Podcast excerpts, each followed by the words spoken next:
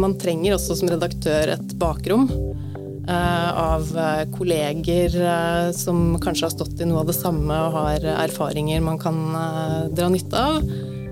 Men også at man kan ringe Redaktørforeningen. Og jeg tenker at det å være med på å skape den type bakrom og nettverk og deling eh, av kompetanse mellom redaktører er veldig meningsfullt. It's a disgrace. And I think they ought to apologize to start with. Dominere mediebildet. A failing media. Pile of garbage. False and fake, fake, fake, fake, fake, fake. Hei og velkommen til Presspodden. Nå er vi og Sebastian, som er teknikeren vår, på vei ned til Pressens hus. Der skal vi intervjue ei som ikke flytta inn så for så altfor lenge siden. Vi skal nemlig treffe Solveig Husøy, som er ny assisterende generalsekretær i Norsk redaktørforening. Før hun begynte der, så har hun jobba over 20 år i NRK. I en av de redaksjonene som kanskje har de største etiske dilemmaene å forholde seg til. Men eh, på vei ned dit skal jeg hjelpe til med noe, Sebastian? Eh, gjerne det. Ok, Da hjelper jeg Sebastian med å bære, og så snakkes vi etter reklamepausen.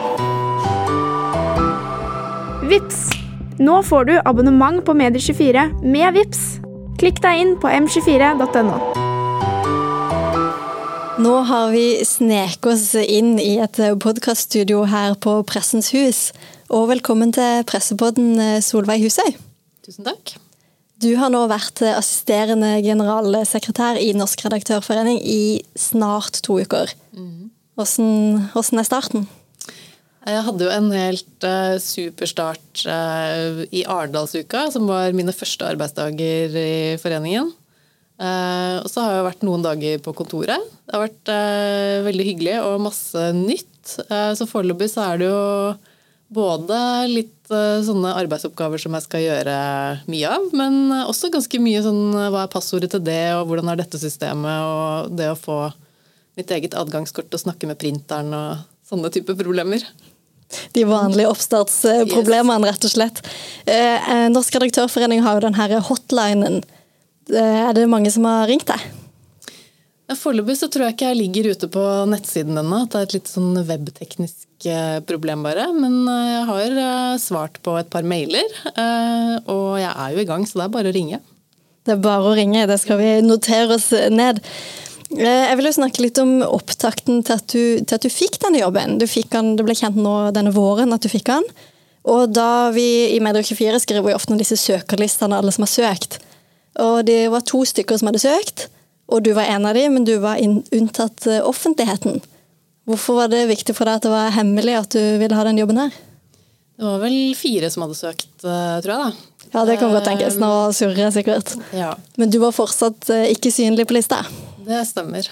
Nei, det var For det første så vil jeg jo si at jeg er jo for åpne søkelister. Og jeg har ikke noe problem med å stå på en søkeliste vanligvis. Eh, men det var en litt spesiell situasjon med at det var eh, flere utskiftninger i den ledergruppa jeg var i på omtrent akkurat samme tid. Eh, så jeg mente at det ville skade de prosessene som jeg var midt oppi akkurat da jeg søkte. Så jeg begrunnet det ønsket mitt overfor ansettelsesutvalget, og de innvilget det, og det må jeg jo si at jeg var glad for. Men det var veldig situasjonsbetinget. Så hadde det vært Eh, stort sett når som helst ellers, så tror jeg at eh, jeg ville stått åpent. Eh, og så tror jeg ikke at det var noe Hvis det påvirket prosessen på noe vis, så var det vel heller negativt for meg da enn positivt. Men hvis du ikke hadde fått lov å være unntatt offentlighet, hadde du fortsatt søkt?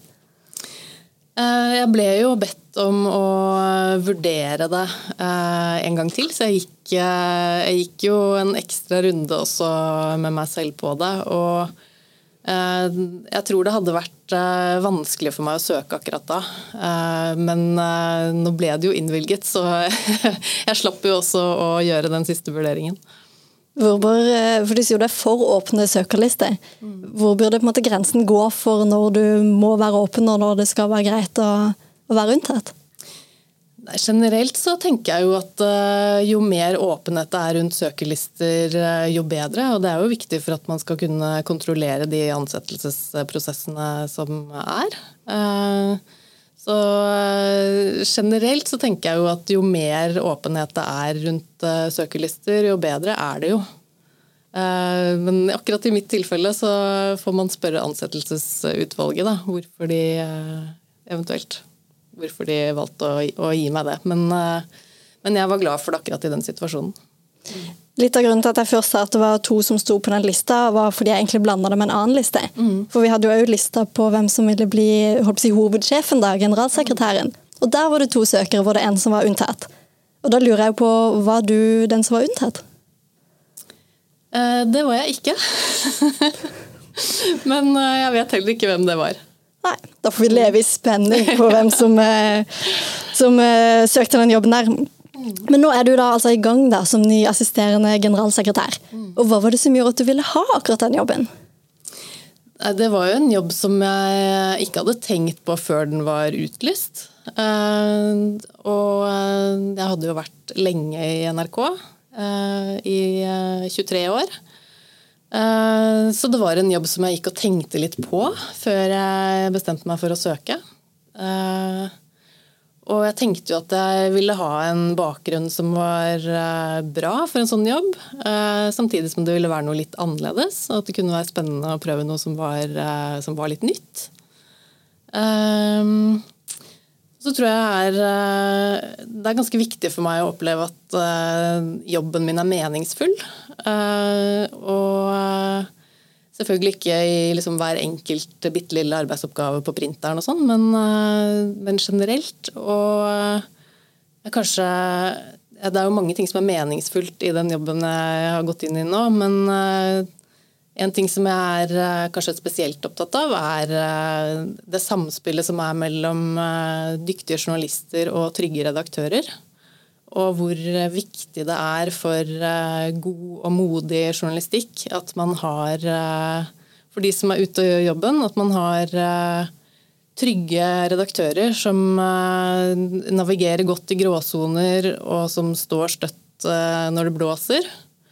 Og da trenger man jo gode diskusjoner i redaksjonene, men man trenger også som redaktør et bakrom Eh, av eh, kolleger eh, som kanskje har stått i noe av det samme og har erfaringer man kan dra nytte av.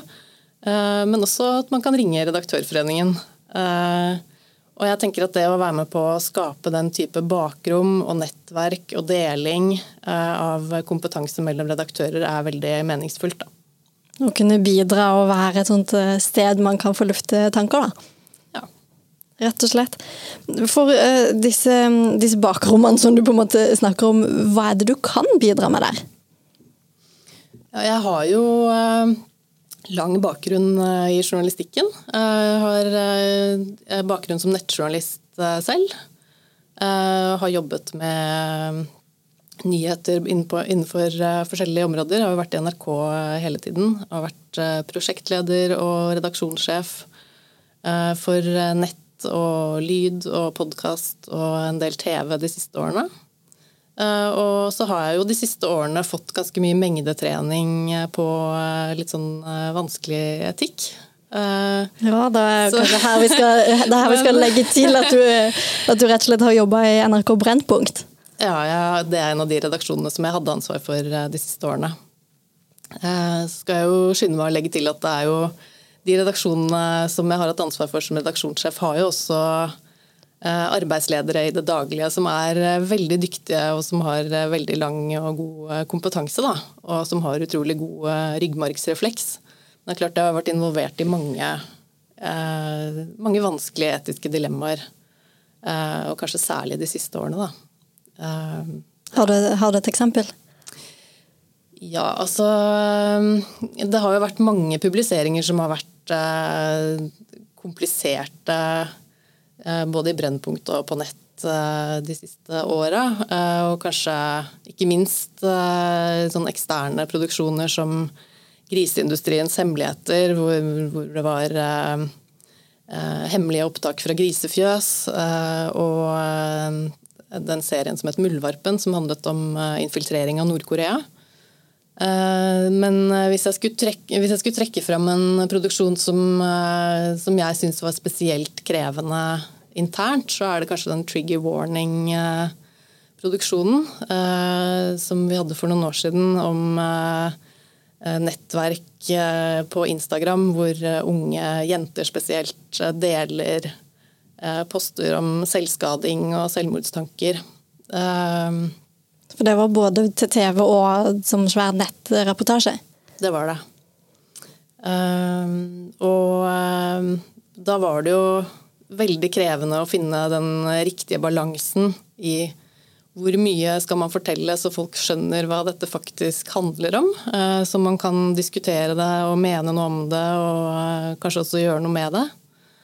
Uh, samtidig som man skal ta hensyn til at det er unge mennesker. Det er familier som har mista barn, og ikke minst den frykten man har for at det kan bli en smitteeffekt av det man selv publiserer. Og kanskje ekstra i, i, den saken her, da, fordi det var så viktig å vise fram akkurat hvor drøyt det var, for at man skulle forstå det. Så i den saken så gikk vi jo veldig mange runder internt, men, men da dro vi også inn en del eksperter utenfra, og også mer sånn kildeeksperter eh, som fikk se en del av publiseringene før de gikk ut, altså utkastene våre, eh, og fikk være med å mene noe om akkurat nivået på detaljgrad og hvor mye vi fortalte, da.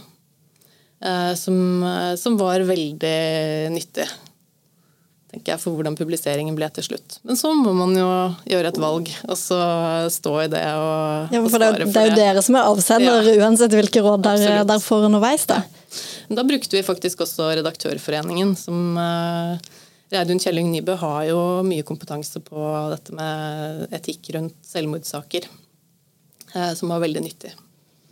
Nå skal jo faktisk, eh, Det er jo oppnevnt et utvalg faktisk som skal se mm. på nettopp dette punktet ja. i, i Vær varsom-plakaten. Det er det. Da blir det vel kjent eh, snart hvem som sitter i det utvalget der, tror jeg. Ja, det mm. blir det. Og innen denne episoden her er på lufta, så er det nok allerede bestemt. Men, men dette med, med trigger warning-prosjektet. Eh, fordi du sier da var det jo mange. Der liksom, du har sagt at i NRK så er det på en måte flere som går gjennom et ledd og arbeider med noe. Men før vi skrudde på mikrofonen her, så nevnte du litt for meg at, eh, at det å være redaktør kan være litt sånn ensomt. Hva mente du med det? Uh, nei, det ligger jo et veldig, et veldig, stort personlig ansvar i redaktørrollen. Uh, og da jeg gikk og tenkte på den jobben her før jeg søkte, så tror jeg det gikk liksom for alvor opp for meg hvor privilegert og bortskjemt egentlig jeg har vært i NRK. Eh, og hvor eh, uvanlig det jo er at man har et så stort nettverk eh, av sparringspartnere og flinke folk rundt seg på sin egen arbeidsplass, da, som man kan bruke på den måten. Men, men, det er jo i redaktørrollen man må ta de avgjørelsene til syvende og sist. Og, og da trenger man å kunne Eh, å kunne ringe noen eller eh, å spare med noen altså de gangene hvor det er eh, hvor man, hvor man, kjenner at nå må vi bare liksom Vi kan ikke trykke på knappen helt ennå. Man trenger den ekstra, ja. ekstra inputen, da. Ja. Vips. Nå får du abonnement på Medier24 med Vips. Klikk deg inn på m24.no. Men, for du har jobba både mye med nett, men nå de siste årene mye med, med TV. Mm. Da du ble ansatt, så sa, eh, altså, så sa Reidun Kjelling Nybø at du hadde litt sånn andre erfaringer og annen bakgrunn. Og både hun og han som var generalsekretær før, har jo mye aviserfaring, mens du har mye mer TV-kompetanse. Mm. Hva er på en måte forskjellene på etikken i aviser og på TV? Er det noen forskjell? Det er jo ikke noe forskjell på etikken i avis og TV, for så vidt. Uh, jeg tenker vel at uh, ja, altså Det er jo selvfølgelig noen forskjeller i hvordan man kan rette opp ting uh, og sånt noe, men, men, etikken er jo den samme. og jeg tenker vel at den store forskjellen i hverdagen er jo kanskje mer tempoet i det du jobber med, da, hvor fort ting skal ut, hvor fort du må bestemme deg. det er jo forskjell på hvordan man kan jobbe med en publisering som skal ut om et halvt år, og en publisering som skal ut om en time. Eller fortest mulig. Eller fortest mulig, så det sier seg selv. Men Redaktørforeningen var jo en forening for avisredaktører da den ble starta. Nå er det over 10% av medlemmene er fra kringkasting. Eh, så det kan jo godt hende at, eh, at, det var en av faktorene eh, som var et pluss for meg. At, at jeg kom fra et kringkastingshus, da. Men Hva vil du si er dine beste tips da, til de redaktørene som, som sitter og havner i situasjoner der de ja, må tenke kjapt fordi, ting, fordi ting skal ut fortest mulig? Nei, altså det, det lureste er jo selvfølgelig å altså, Hva skal jeg si om det? Eh, det beste tipset er jo at eh, når man jobber med ting eh, og har gjort ting mange ganger og vært i mange diskusjoner, så, er det jo, så får man jo en god refleks på avgjørelser. Og hvis man kjenner Eh, hvis man kjenner at her er jeg ordentlig i tvil, eh, så er det jo som regel bedre å vente i hvert fall et kvarter ekstra. eh, men i hvert fall ta seg tid til å, til å diskutere ordentlig gjennom eh, det man er ordentlig i tvil om, da. Har du noen gang angra på noe av det du har vært med å publisere? Nei, jeg har vel ikke angret, men eh, man kan jo alltid tenke om, eh, om, noen valg man har gjort, at eh, man kunne valgt annerledes. Og det kan man jo ofte, for det er jo, det er jo aldri noen helt klar fasit på akkurat hvor man skal legge seg i mange saker. Så det kan godt hende at, at jeg ville gjort et annet valg i noen av sakene, men ikke sånn ikke sånn veldig, veldig alvorlig, men mer sånn på justering, kanskje. Hvor langt skal du gå på en eh, identifisering, f.eks. opp eller ned. Um, men um, uh, ja, og det tenker jeg jo er uh, Sånn er det jo også. At man kan vel aldri liksom Man kan jo aldri ha den type jobber og være 100 uh, Eh, tenke at man har gjort liksom 100 eh, det aller, aller, aller beste eh, hver eneste gang. Man må gjøre det beste man får til. Vi snakka om dette med å ta litt kjappe beslutninger. Så da tenkte jeg rett og slett jeg skulle utfordre deg litt på det. Nettopp med å stille deg noen spørsmål hvor det er omgjør at du svarer kjappest mulig. Er det greit? Vi prøver. Får du med den Får du med deg mest nyheter på TV, radio, nett eller papir? Nett. Hvorfor det? Den er jo på mobilen, som er med meg overalt. Eh, så det blir en sånn pausefyll. At jeg sjekker mye nyheter eh, når jeg står opp om morgenen, spiser frokost. Eh, sånne ting. Det er lettere lettere å gjøre innimellom. Mellomslagene. Mm. Men hva slags journalistikk provoserer deg mest? Oi. det må være litt sånn uvøren journalistikk, kanskje. Uh, ubetenksom. Jeg vet ikke. Ja. Hvor man bare slenger ut uten å tenke seg om hva konsekvenser, eller at det er liksom slurvete feil? Nei, kanskje mer i så fall at det er slurvete journalistikk, da. Uh, jeg blir ikke veldig provosert over kommaregler, som jeg vet at mange andre blir. Kaller du det helst for eh, betalingsmur eller plussa innhold, eller noe helt annet? Jeg kaller det for plussinnhold. Er det bevisst? Uh, ja, altså det er jo bevisst. Jeg tenker at uh, det, er, det, er, jo et innhold som uh, koster penger å lage, og man må betale for å få det. Det er helt naturlig, men en betalingsmur er det jo ikke. Hva er de beste egenskapene en journalist kan ha?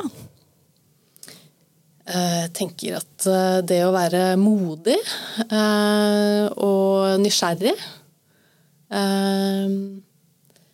Og kanskje glad i folk. Det er jo veldig gode egenskaper. Og så er det det å være grundig er jo også, også en god kvalitet. Og hvem i Medie-Norge er det som inspirerer deg mest? Nei, Jeg vet ikke om jeg har noe spesiell eh, favoritt, men jeg kan jo bli veldig inspirert av eh, journalister som får til eh, lange løp og saker som får hull på saker som andre ikke får hull på. Og det kan jo være mange, det. Det var et bredt og omfavnende svar, vil jeg si. Jeg har et siste avslutningsspørsmål. Fordi Norsk redaktørforening har jo den her hotlinen. Så hva er telefonnummeret ditt? 91 15 08 84. Så alle som sitter der ute og er litt i tvil på en etisk problemstilling, kan taste det nummeret der. Takk for at du var gjest hos oss i Pressepodden, Solveig Husøy. Takk for at jeg fikk komme. Mitt navn er Kristine Sterud. Konstituert ansvarlig redaktør i Media24 er Jan Magnus Weiberg Aurdal. Og teknisk ansvarlig for Presspodden er Sebastian Manrikes.